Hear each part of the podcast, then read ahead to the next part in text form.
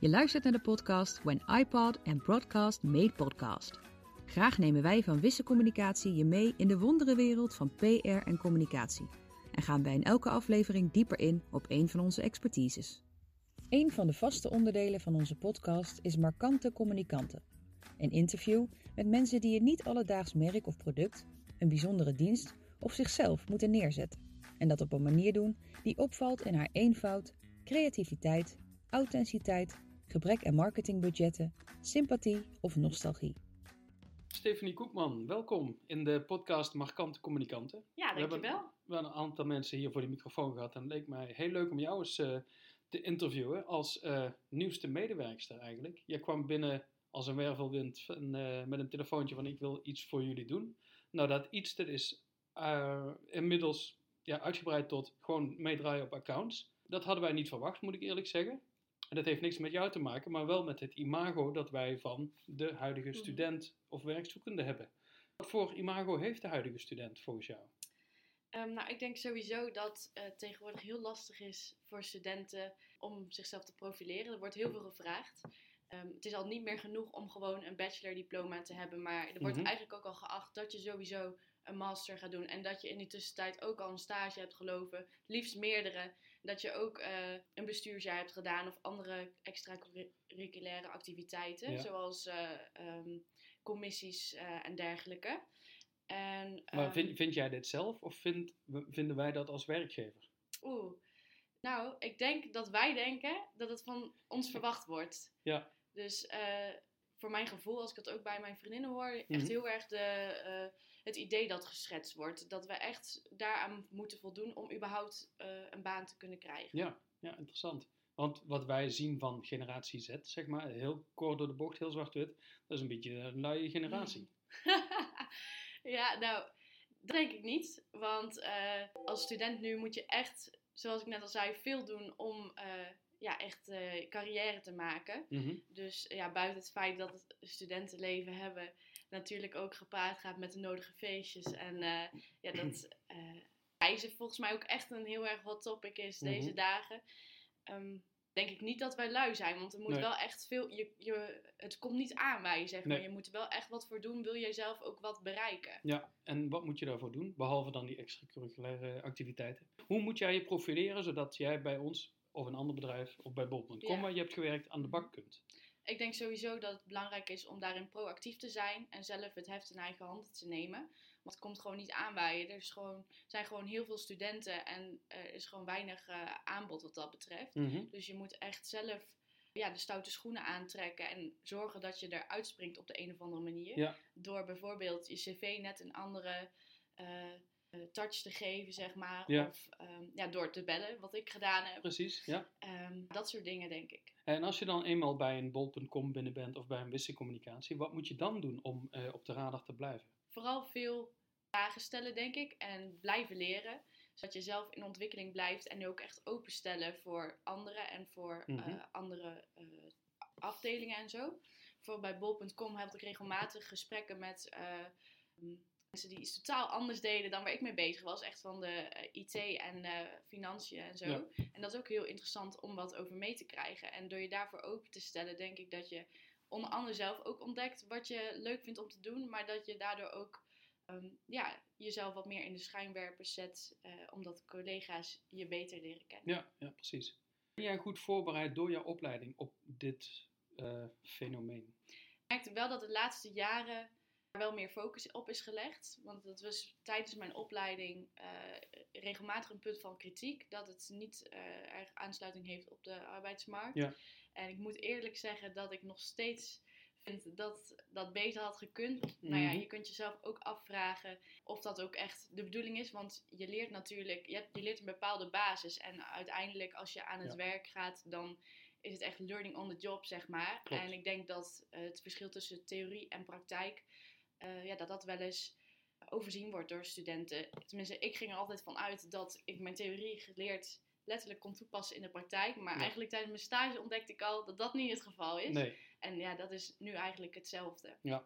Dus jij kunt veel van een bedrijf leren waar je werkt. Mhm. Andersom denk ik dat bedrijven veel van jou en jouw generatie kunnen leren. Ja. Wat, wat zouden wij van jou moeten leren? Ehm, Dat vind ik altijd een lastige vraag, want ik denk dat wij als studenten onszelf daarin onderschatten. Want Ja. ehm, ik heb heel- zelf heel erg het idee van ja, ik heb nu wel een diploma, maar het is heel lastig om dat toe te passen eh, in de praktijk. Wat kun ik daar nou mee en hoe ben ik dan ook echt van toegevoegde waarde? Mhm. ik heb het idee dat eh, veel mensen dan denken, waaronder ik zelf, dat je eerst ervaring op moet doen om nuttig antwoord te kunnen geven. En daarom ben ik daar zelf altijd voorzichtig in, merk ik. Maar natuurlijk is het wel zo dat wij wel eigenlijk over de laatste eh, ja, kennis beschikken, omdat we de nieuwste onderzoeken, ehm, Ja. ja. omdat we daarmee hebben gewerkt en omdat we daarvan op de hoogte zijn. Precies. Dus ik denk sowieso een frisse blik. En ook omdat wij natuurlijk eh, ja, opgroeien met andere media. Bijvoorbeeld natuurlijk in dit vak. Ja. Wij zijn waarschijnlijk meer op de hoogte van Instagram en TikTok dan, eh, dan de wat oudere generatie. Ongetwijfeld. Dus ja. ik denk dat we daarin ja, zeker een bijdrage kunnen leveren. Nu we het hebben over de, de skillset die jullie wel hebben en de mensen die al jaren bij een bedrijf Mhm. werken niet. Wat zijn er nog meer voorbeelden van? Bijvoorbeeld ehm, dan over de, de nieuwe manieren van werken. Hè? Dat is Mhm. nu natuurlijk hot met corona. Ja. Is dat iets wat jouw generatie beter doet? Of in ieder geval anders dan wij deden? Ik denk dat het patroon nog niet zo zit vastgeroest bij ons. Als ik het zo mag zeggen. ja, ja, ja, ja, ja. Want eh, wij zijn, we moeten natuurlijk eigenlijk nog de arbeidsmarkt opgaan. Dus we moeten allemaal nog ervaren hoe het gaat. En ehm, dat merkte ik ook vorige week had ik een eh, eh, virtual meeting van de WorldCom Group. Met Ja. allemaal eh, jonge professionals in het vak. En toen was de, werd de vraag gesteld van... Ja, wat vind je nou eigenlijk... wat is er nou echt anders ten opzichte van voor de, de coronatijd? Maar eigenlijk heb ik daar geen antwoord op. Ja. Want ik ben nu... Ik ben ja, hier begonnen met werken sinds juni. Ja. En eh, toen was het al de coronatijd. Dus Ja, ik heb, ja, ben eigenlijk heel nieuwsgierig naar hoe het was eh, voor die tijd. Ja. Dus ehm, sowieso denk ik, ja, je, je groeit er daar dus in mee. Ja. Dus Mhm. het is niet zozeer dat voor ons ehm, die manier van werken, die hebben wij, eh, dat moeten wij echt nog aanleren. En bij de werkende generatie zit dat er natuurlijk al helemaal in. Ja, dat kan een valkuil zijn. Hè? Wij doen het al jaren op een bepaalde Mhm. manier. En nu zie je dat wij eigenlijk met z'n allen heel flexibel zijn. We, gaan zoomen, we zetten teams op. Ja. eh, de eh, creativiteit is in beperkte mate wat mij betreft, maar ook op andere manieren te realiseren. Maar Mhm. goed, ik denk dat we elkaar daar wel in vinden.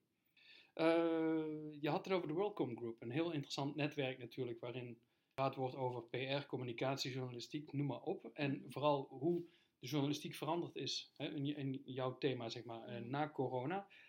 Eh, even terug naar het punt journalistiek. Waar wordt volgens jou goede journalistiek bedreven? Ik denk zelf eh, in, de, in de grote kranten in Nederland, zoals de Volkskrant bijvoorbeeld. En ehm, ook de talkshows tegenwoordig, dat is, heeft ook echt heel veel waarde, denk ik. Zoals Jinek en Op 1.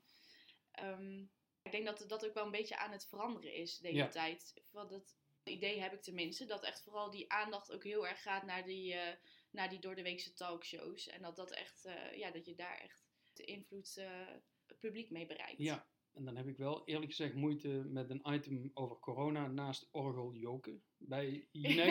het is ja, leuk. dat kan ik me voorstellen. Ja. Ja, nee, maar daar wordt wel nieuws gemaakt en eh, eh, nieuws eh, in een bepaalde richting eh, geduwd, denk ik. Mhm. Ja. Ehm, wordt goede journalistiek ook op de social media bedreven? Het net over Instagram. TikTok. En dat zijn de, de speelsere media, zeg maar. Mhm. Facebook gooit bijvoorbeeld nu in eh, Australië alles dicht voor de nieuwsmedia. Dus nogmaals de vraag, journa- journalistiek ook op de social media bedreven? denk het niet, want het wordt meer gebruikt als medium om eh, ja, als marketing in te zetten, zeg maar. Want de, Mhm. eh, de nieuwsartikelen worden natuurlijk wel gepubliceerd op bijvoorbeeld Facebook en dergelijke. Maar uiteindelijk klik je toch door naar een, naar een link naar de website bijvoorbeeld. En ehm, ik denk dat eh, sociale media zoals Instagram, Twitter en Facebook echt meer zijn bedoeld voor de interactie met eh, het publiek. En ook ehm, ja, meer behoren tot de marketingstrategie dan dat het echt eh, journalistiek is. Ja, precies. Terwijl heel veel journalisten wel gaan kijken wat er gebeurt op Twitter. Hè? Dus Ja. Het sentiment onder de bevolking wel een beetje aan te voelen. Dus Ja. op die manier wordt het wel gebruikt, maar of het daar inderdaad... Ja, ja, eerder een toevoeging dan, Ja. eh, dan echt het, het belangrijkste medium. Ja, ja, precies. Ehm, wat valt jou op aan het journalistieke landschap als je het vergelijkt met wat jij op jouw opleiding leert? Dat is eigenlijk wel grappig dat je dat zegt, want tijdens mijn opleiding heb ik eigenlijk vrij weinig over de Nederlandse journalistiek eh, geleerd. Want ehm, mijn opleiding was International Business Communication. Dus sowieso was het heel erg gefocust op eh, het buitenland en niet Mhm. zozeer op Nederland. Dus ik vind het lastig om daar een antwoord op te geven als in... Is er een wordt- discrepantie? Ja, ja, Ja, ja, precies. Ja, precies. Ik wil nog heel even terug naar WorldCom. eh, het onderzoek dat is gedaan over journalistiek voor en na COVID. Kun je misschien heel kort iets daarover vertellen? Ehm, we hebben met een groep jonge communicatieprofessionals een onderzoek uitgevoerd in eh, heel Europa en ook zelfs eh, in Afrika onder de eh, PR en PR-medewerkers. Mhm. En ehm, daar, we hebben ze eigenlijk gevraagd van hoe is de journalistiek nou veranderd door COVID en wat merk je daar nu van? Heb je Ja. bijvoorbeeld angst om je baan te verliezen of moet je, is het dagelijkse, natuurlijk is het dagelijks leven aangepast, maar Mhm. is het ook in ehm, eh, manier van werken Ja. heel erg anders geworden? Ja. En ehm, wat eigenlijk wel opvallend was dat veel eh, journalisten toch in enige mate toch wel eh, eh, ja, angst hebben om hun baan te verliezen. En ze zien ook echt wel dat de, de pandemie journalistiek blijvend veranderd heeft. Ja. Als in dat de printmedia nog minder aandacht krijgt dan de online media. Ja, Dus de, ja, het is zeker een, eh, een grote transformatie. En ik denk een heel interessant onderzoek ook om dat vooral te vergelijken ook hoe dat tussen verschillende landen, of Ja. dat dezelfde ontwikkeling is, zeg maar, of dat het, eh, dat het anders is. ja.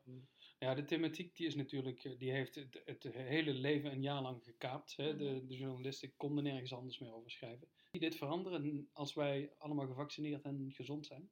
Ja, dat denk ik wel. Ja, nu is het natuurlijk echt een hot topic, maar eh, ik denk wel echt als dat op een gegeven moment, eh, ja, als we weer langzaamaan teruggaan naar ons normale leven, dat het dan Mhm. eh, ja, toch wel weer een beetje de dagelijkse gang van zaken zoals het al vroeger was, zeg maar. Ja, ja. Voor pre-corona, dat Ja, het dan ja, ja. ja, wel weer ja, de dagelijkse dingen worden opgepakt en dat het niet meer zo over de vaccins gaat.